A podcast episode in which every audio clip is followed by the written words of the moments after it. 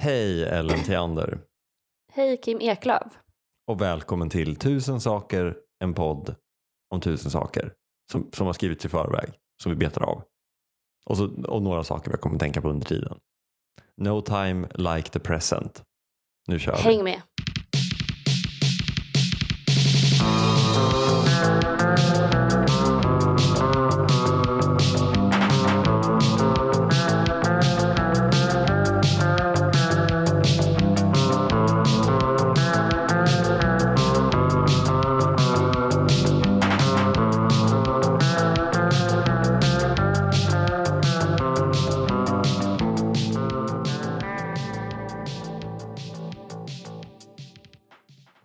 Blev du distraherad av att du hade en kopp kaffe? ja, det blev jag. Distraherad från att trycka på räck? Är det, är det, är det något som liksom händer även när du sitter på möten på jobbet? Absolut. Nej, men jag har ju damp, tror jag. Men jag tänker att det blir ett spä- spännande möten. Att man sitter och liksom... Ja, nej men det... Men gud, kaffe! Oj, vad trevligt. Vänta lite. Jo, men som jag tänker Positivt vi, överraskad. som vi går vidare. Men gud, kaffe. Nej men Ja. vad trevligt. Tack.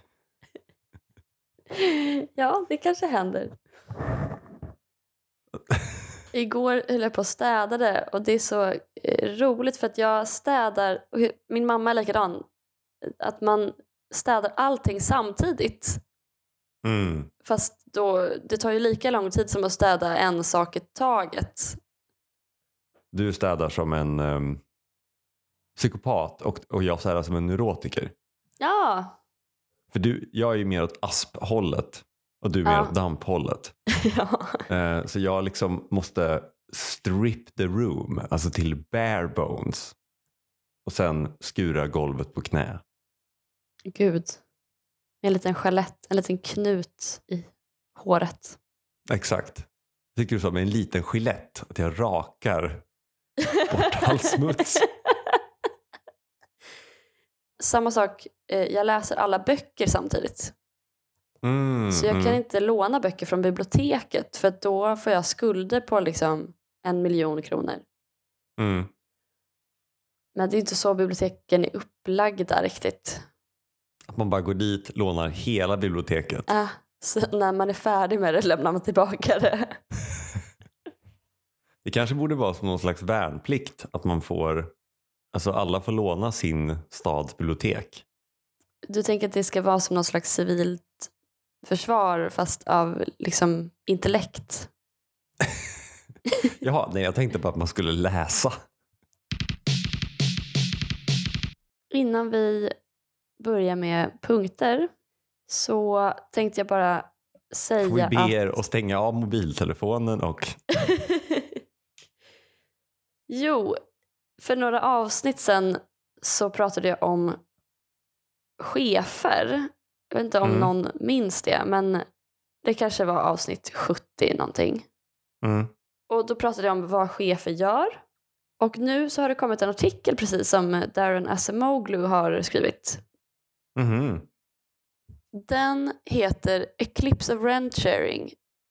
The effect of managers business education on wages and the labor share in the US and Denmark. Och då visar det sig att den enda skillnaden mellan chefer som hade en business education, alltså företagsekonomi Mm. antar jag, Vi utgår från att de har gått Handels, motsvarigheten till Ja. Handels. Precis, säg att de har gått Handels. Det enda de gjorde som, var, som skilde dem från eh, chefer utan den här utbildningen är att de sänkte sina anställdas löner Mm. utan att produktiviteten ökar.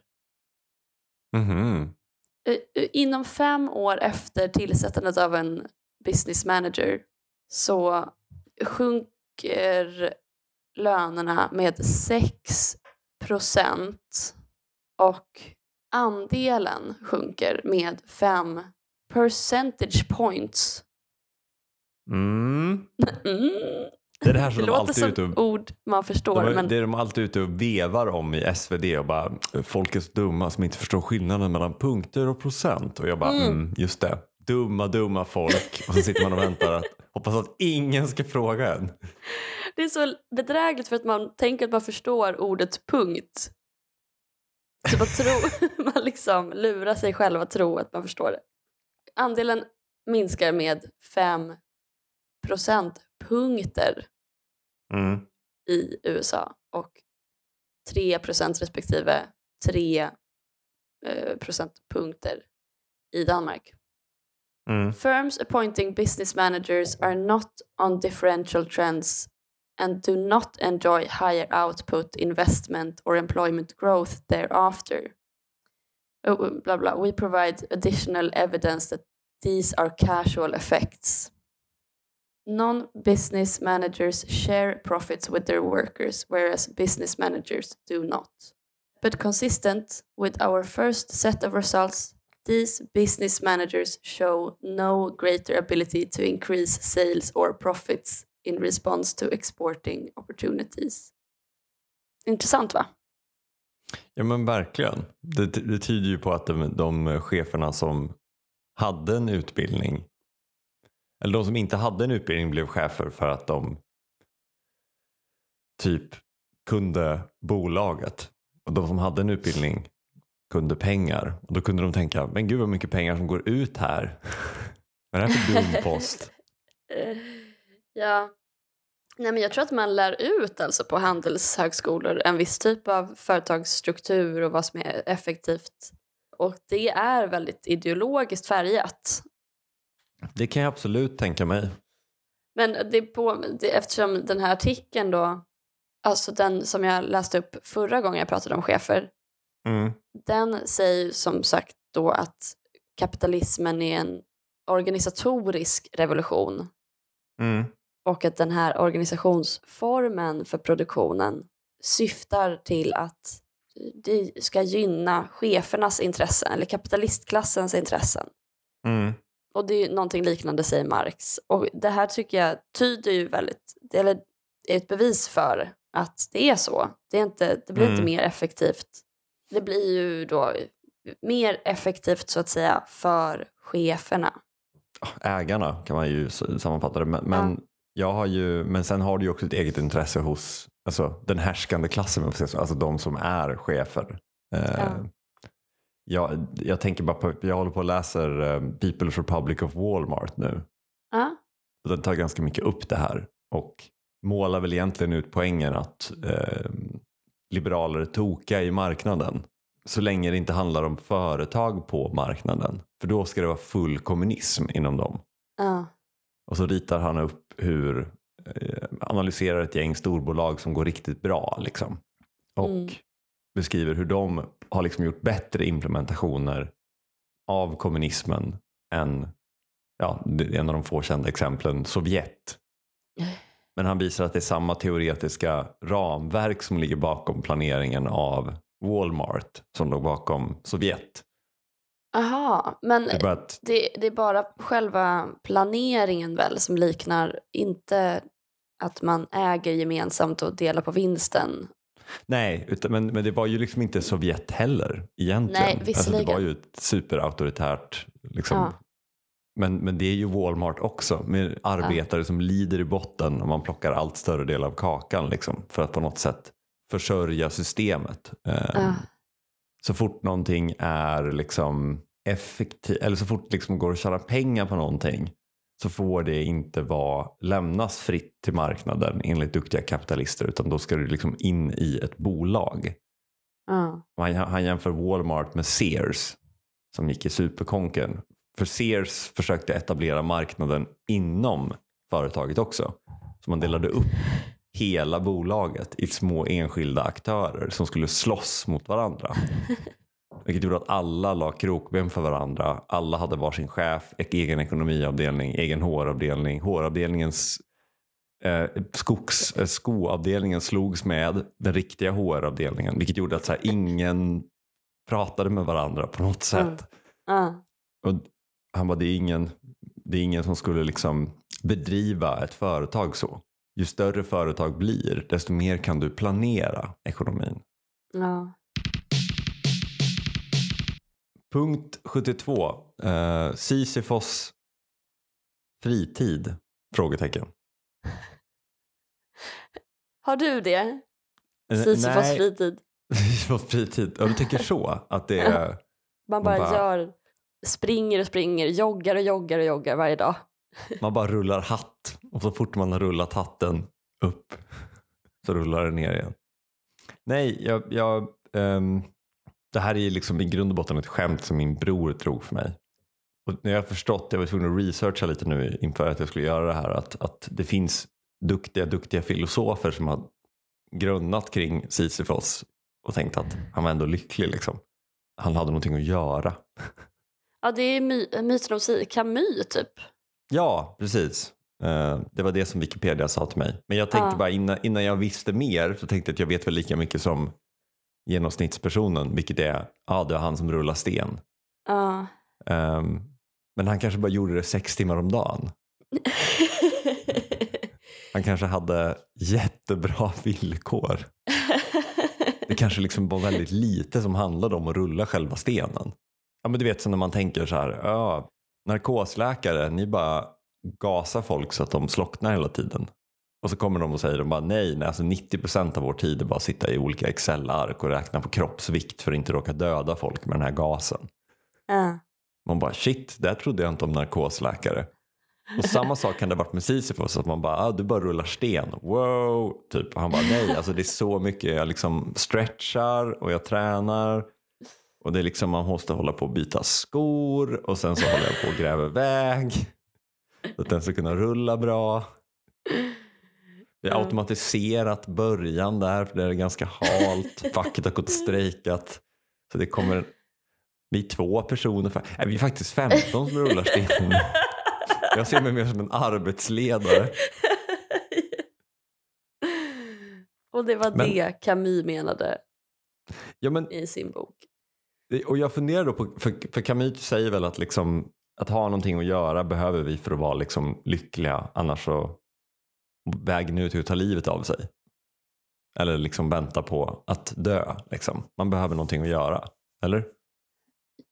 Ja, jag, har inte, jag har inte läst faktiskt myten om Sisyfos men eh, jag tror att han, alltså det handlar mycket om det här när Gud är död så måste vi själva skapa mening i Mm. livet och den existentiella ångesten blir uppenbar, eller man får existentiell ångest när man inser att livet är meningslöst.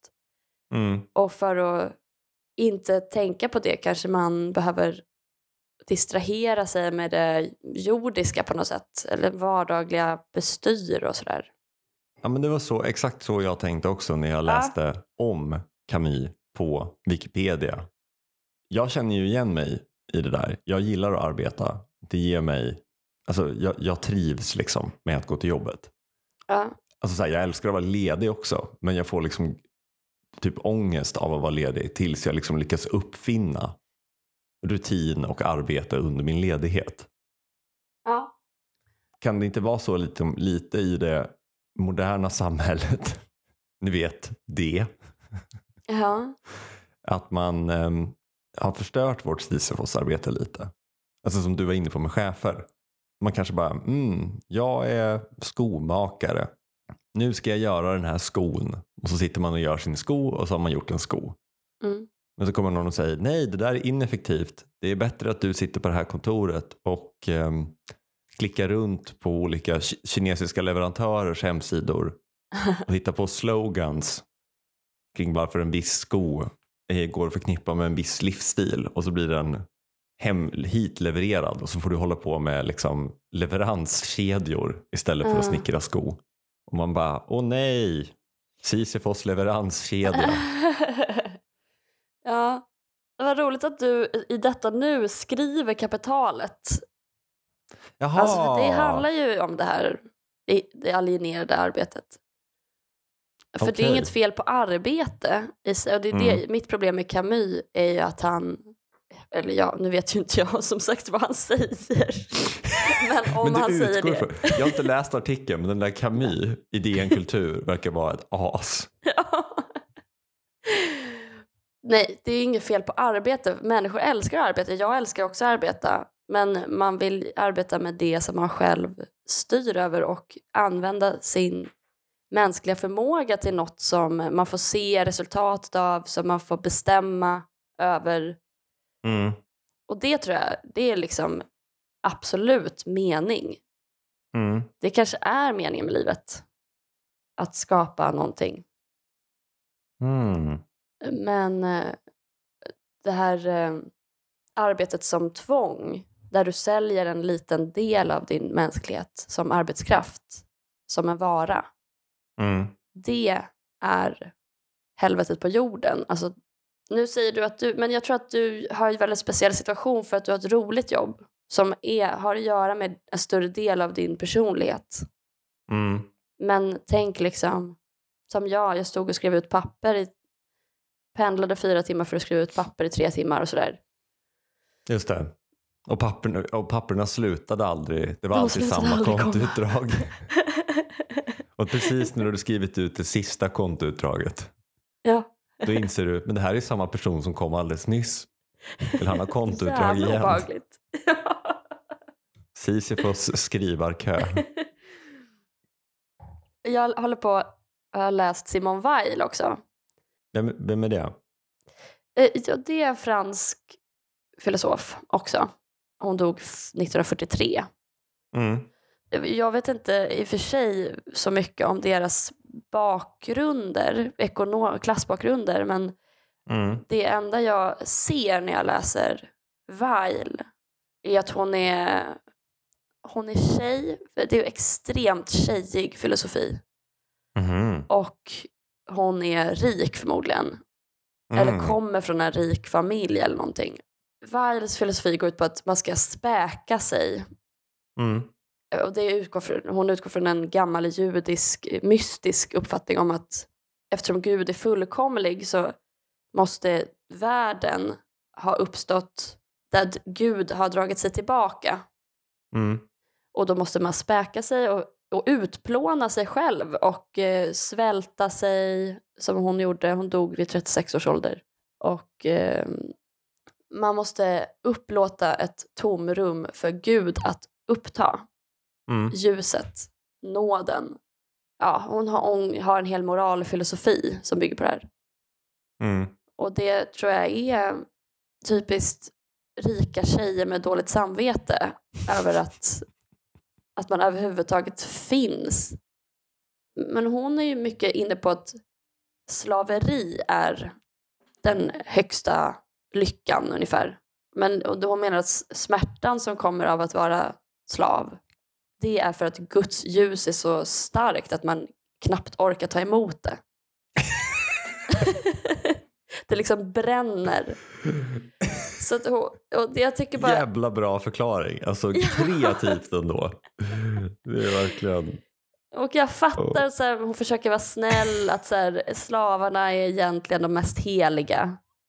Men det är, jag tycker att det är liksom faktiskt bara romantiserande och exotifierande av folks vidriga liv och arbetsvillkor. Och, alltså man ska inte romantisera slaveri. Nej, men det är väl samma sak med gigjobb tänker jag. Alltså att, att det är, du, du är helt... Fast nu är det tvärtom. Istället, vi trodde då i början av 1900-talet att slaven är bäst. Och nu bara ö, den helt fria individen som är jättefri och fri är bäst.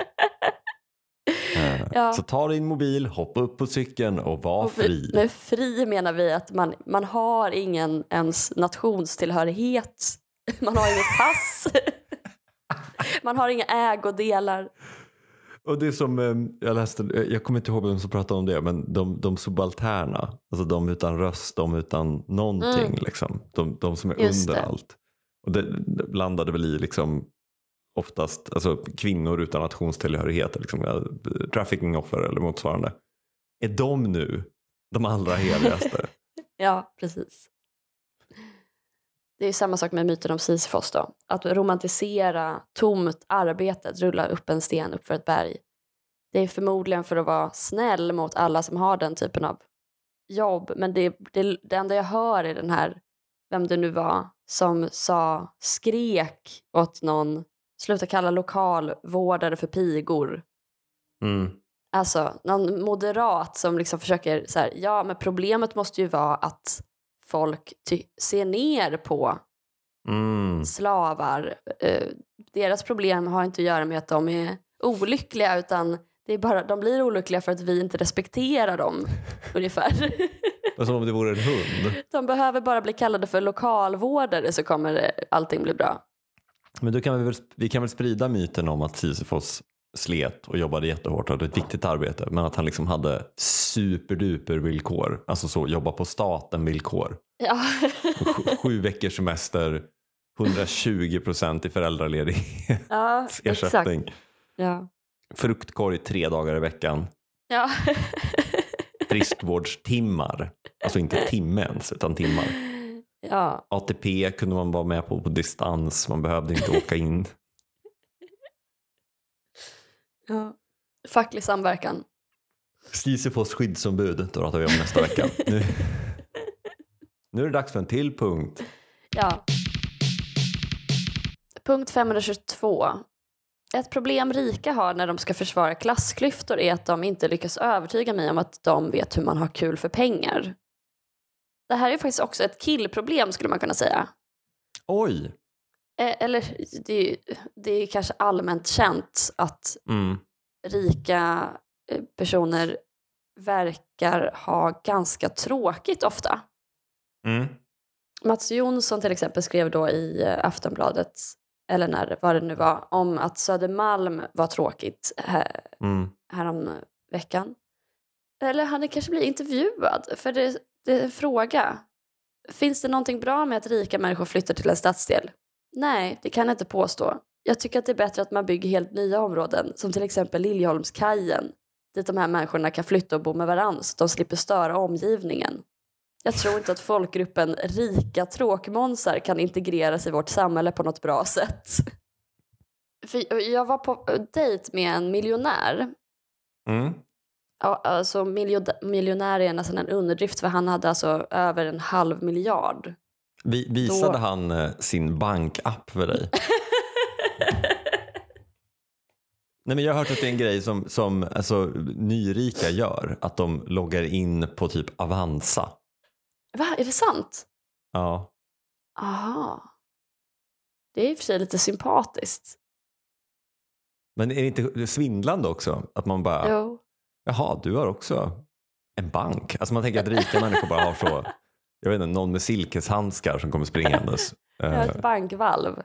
Man åker i någon slags guldhiss upp i ett, ett torn. Ja, men så har de, då har liksom också så bank-id. Ja, de också har bank-id. Lars Norén och Rika har bank-id. Ja. Sitter och krånglar. Ja, förlåt, fortsätt. Nej men han, eh, det var inget fel på honom. Alltså han var liksom trevlig och så. Men han gillade att gå på restaurang Mm. och dricka. Mhm. Och så gillade han till exempel tjejer och eh, Formel 1. Ja, men ni hade ju tre saker gemensamt fram till Formel 1.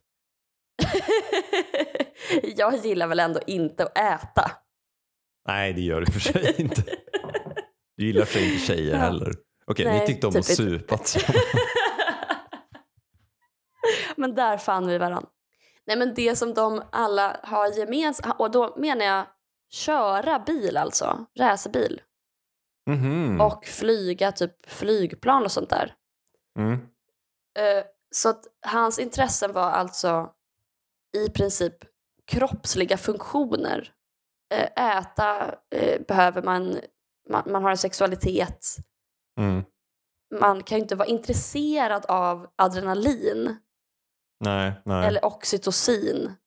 Mm. Eh, Det är liksom inte riktiga hobbys tycker jag, utan det är kroppsliga funktioner, det är hormoner. Ska du verkligen förolämpa tantra-communityn på det här sättet?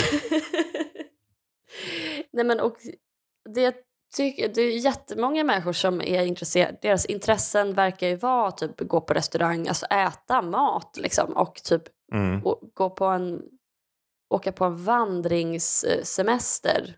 Man bara, ja, Mm. så du är intresserad av att gå. Eller liksom de är intresserade av att renovera. Man bara, ja, du är intresserad av att ha fyra väggar och ett tak. Det är inte intressen. Om jag blir jätterik ska jag, ha tre, jag ska bygga ett hus med tre väggar. Alltså bara för att liksom fuck shit up. Det, det tycker jag, det måste borgerligheten, det kanske Timbro kan jag tror att de behöver jobba på det här för att det är inte övertygande. Du kan inte övertyga mig om att ge er mina, mina pengar om ni hela tiden visar att ni inte vet vad ni ska göra för dem för att ha kul. Mm. Från Ja. tidigare SvD, nu Aftonbladet. Va? Mhm. Är det för att han ska markera att han har blivit vänster? Han är väl vänster eller? Jo, jo, men att han har blivit liksom vänster-vänster. Ah. Nej, jag förstod att han var vänster när han var med i, i en podd hos Arena Idé, men jag trodde ju ändå att han var liksom men jag kan tycka att Johan Norberg är sympatisk till Ja, exempel. absolut. Ja. Alltså, ja, det är inte, ehm, inte, faktiskt inte säkert att man är vänster bara för att man, han är trevlig. är trevlig. För Även han är ju ute nu, alltså, om bara för att skjuta in lite om Johan Norberg, även han är ju ute nu och vevar om liksom, att den typen av kapitalism och liberalism vi har nu, den är inte Mm. kul för någon heller. För att Nej. en, en sund marknad är ju liksom jämlika aktörer som, som liksom slåss mot varandra och sen så kan man gå ihop och liksom outsmart each other och competition och så. Men Ja. men det betyder ju bara att alltså, du ska, det betyder inte att du ska vara pro-business utan det betyder att du ska vara pro-market och då är du ju Ja. pro alla aktörer inklusive arbetstagare om de går ihop och slåss liksom, Ja. i en grupp. Så att, ehm, och, så, och så säger han framförallt att man ska ju ha det för att ha kul Alltså, ja, ja, det är med sympatiskt. alla sina böcker om, om glädjedödarna och nej-sägarna och allt vad de heter. ja. Ehm, att man ska få ta en cigg då och då. ja. eh, kan man ju backa. Men, men, Verkligen. eh, men jag funderar på om det, alltså den tråkigheten, för det har man ju också hört att svenska affärsmän är, och det har vi också pratat om i tidigare poddar, att svenska affärsmän anses vara några av de tråkigaste. ja. För att de har inga andra intressen. De har ingen, inga kulturella intressen, de har inga Liksom, de kan, du kan liksom inte prata med dem om någonting för att deras intresse är liksom äta, skita, sova, knulla, Ja, ja. få adrenalin. Gå på toa, ja. Det är nästa intresse som kommer verkligen slå i Sverige. Efter den här renoveringstrenden. Efter det här med att bo i, på ett ställe. Nej, men jag undrar om det har att göra med, som Andreas Cervenka är ute och, och vevar om, att vi, vi har blivit ett, ett kapitalsamhälle istället för ett arbets och produktivitetssamhälle. Alltså, att, Ah. att göra pengar har blivit vår nya religion. Mm. Men vi är fortfarande sossiga på, på det sättet att vi har jättehöga skatter på inkomster, alltså arbetsinkomster, alltså lön. Du skattar bort Mm. mycket av din lön. Eh, vi har däremot typ inga skatter på kapital. Nej, nej, precis. Eh, speciellt ditt kapital i form av typ fastigheter. Ja. Där det liksom, du skattar mindre ju dyrare din fastighet är. Mm. Du får också ränteavdrag om du skulle vara så att du behövt låna för att köpa en dyr fastighet. Och det gör att de här människorna har blivit intresserade av kapital. Och Mm. att vara intresserad av kapital och att vara intresserad av pengar tycker jag är en väldigt stor skillnad. För Ah. att pengar är att vara intresserad av liksom arbete och pengar som verktyg. Mm. Alltså, jag är också jag är intresserad av pengar på samma sätt som jag tänker att du är intresserad av pengar. ja. För att det innebär att jag kan åka till stugan, vara där, läsa en bok, såga ner ett träd, dricka en öl, springa en löprunda i skogen. Mm. Eh, Jag kanske kan åka utomlands och titta på någonting fint. Men att vara intresserad av kapital, alltså pengar på hög, det är själva högdelen som är intressant, inte vad som är i den. Just det. Det är som en människa som skulle vara besatt av, att- som springer på stranden, slänger ut sin handduk, men istället för att lägga sig på den och njuta av solen, blir besatt av att samla allt sand utanför handduken. Inget enda sandkorn på den här handduken. Man blir så besatt av kringaktiviteterna. Precis som du säger, pengar är ju det som gör det möjligt för en att köpa det man vill ha. Mm. Så man har större möjlighet att realisera sin vilja. Mm. Men det kanske är det här att veta vad man vill ha som är, kräver något annat, någon annan typ av kunskap som Mm. inte är- behöver följa med att ha mycket pengar. Mm.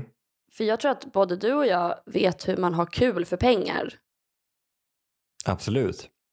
Det kanske är något vi behöver ta ansvar för att lära ut. Jag vet inte. Men det vi blir kanske ska väl ha det. kurser Alltså, i kulturellt kapital. Hur man har har du pengar ett bra så liv. kan du ha ja, kurser i kulturellt kapital. Ja, ja det kanske är det då. Att man, man eh, måste lägga ner sin mycket tid på kapital. Vilket är objektivt tråkigt. Eh, försök inte övertyga mig om motsatsen, att det skulle vara kul. Nej. Det, det, det är kul att sitta i typ Avanza-appen och kanske liksom alltså göra det som en lek. Men det kan, liksom inte vara, det kan inte vara en hobby. Jag är hemskt ledsen. nej, Det är som nej. att ha hobbyn bajsa. Verkligen. Men det är väl det som, jag vet inte, är det det som är liksom varför krypto har slagit? För att det är typ ett mobilspel. Jaha. Är det liksom spelifierat? Nej, Men jag, jag tänker att alla de här apparna som man kan använda och liksom Mm. plattformarna och liksom kulturen kring krypto. Det, Byung-Chul Han skriver att eh, det det här vårt beteende på internet eller vår, i uppmärksamhetsekonomin påminner mer om vilda djurs uppmärksamhet. Det vill säga den är väldigt splittrad och Mm. kortvarig. Eh, det som är kännetecknande för människan eller för civilisation är att man kan koncentrera sig på en och samma sak länge. Mm. Vårt intresse så att säga för sociala medier eller mobilen är ju ett intresse för starka färger. Mhm. Alltså det är inte heller, det är ju liksom något djuriskt. Ja, det är jättekul. Ja, man reagerar på starka färger. Men du kan inte kalla Mm. det för ditt intresse. Mm. Eller som du var inne på härom, där, i något avsnitt nyligen. Det är mycket just kroppsliga funktioner och Mm. mycket reptilhjärna inblandat i Mm. Mm. eh, vårt beteende på internet. Och vad man anspelar på. Absolut, det, det ju, funkar ju alltid om man inte orkar komma på, om man inte orkar göra en målgruppsanalys. Liksom. Bara, eh, vad tycker de här människorna om? Funderar de på sitt barns säkerhet? Eh, är de intresserade av att åka till Thailand? Så bara, vet du vad de är intresserade av? Hud, Ja, blod, bajs. en hårsäck i närbild. Ja, jo, det, det är vårt gemensamma intresse, allihop. Ä- Alla människors. Te- testa, testa och liksom Testa någon gång med dina, eh, dina vänner med högt kulturellt kapital och så har du bilder på så kända, du har massa kända målningar och sen så har du en bild som bara är liksom öronvax. Bara, vilken bild talar till dig? Tack för den här veckan, Kim Eklöf. Tack själv Ellen Theander. Vi kommer ut på tisdagar klockan sex på morgonen. Lagom till morgonlöprundan. Tack för att ni har lyssnat.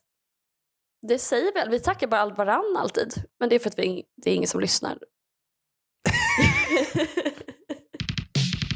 Hej då!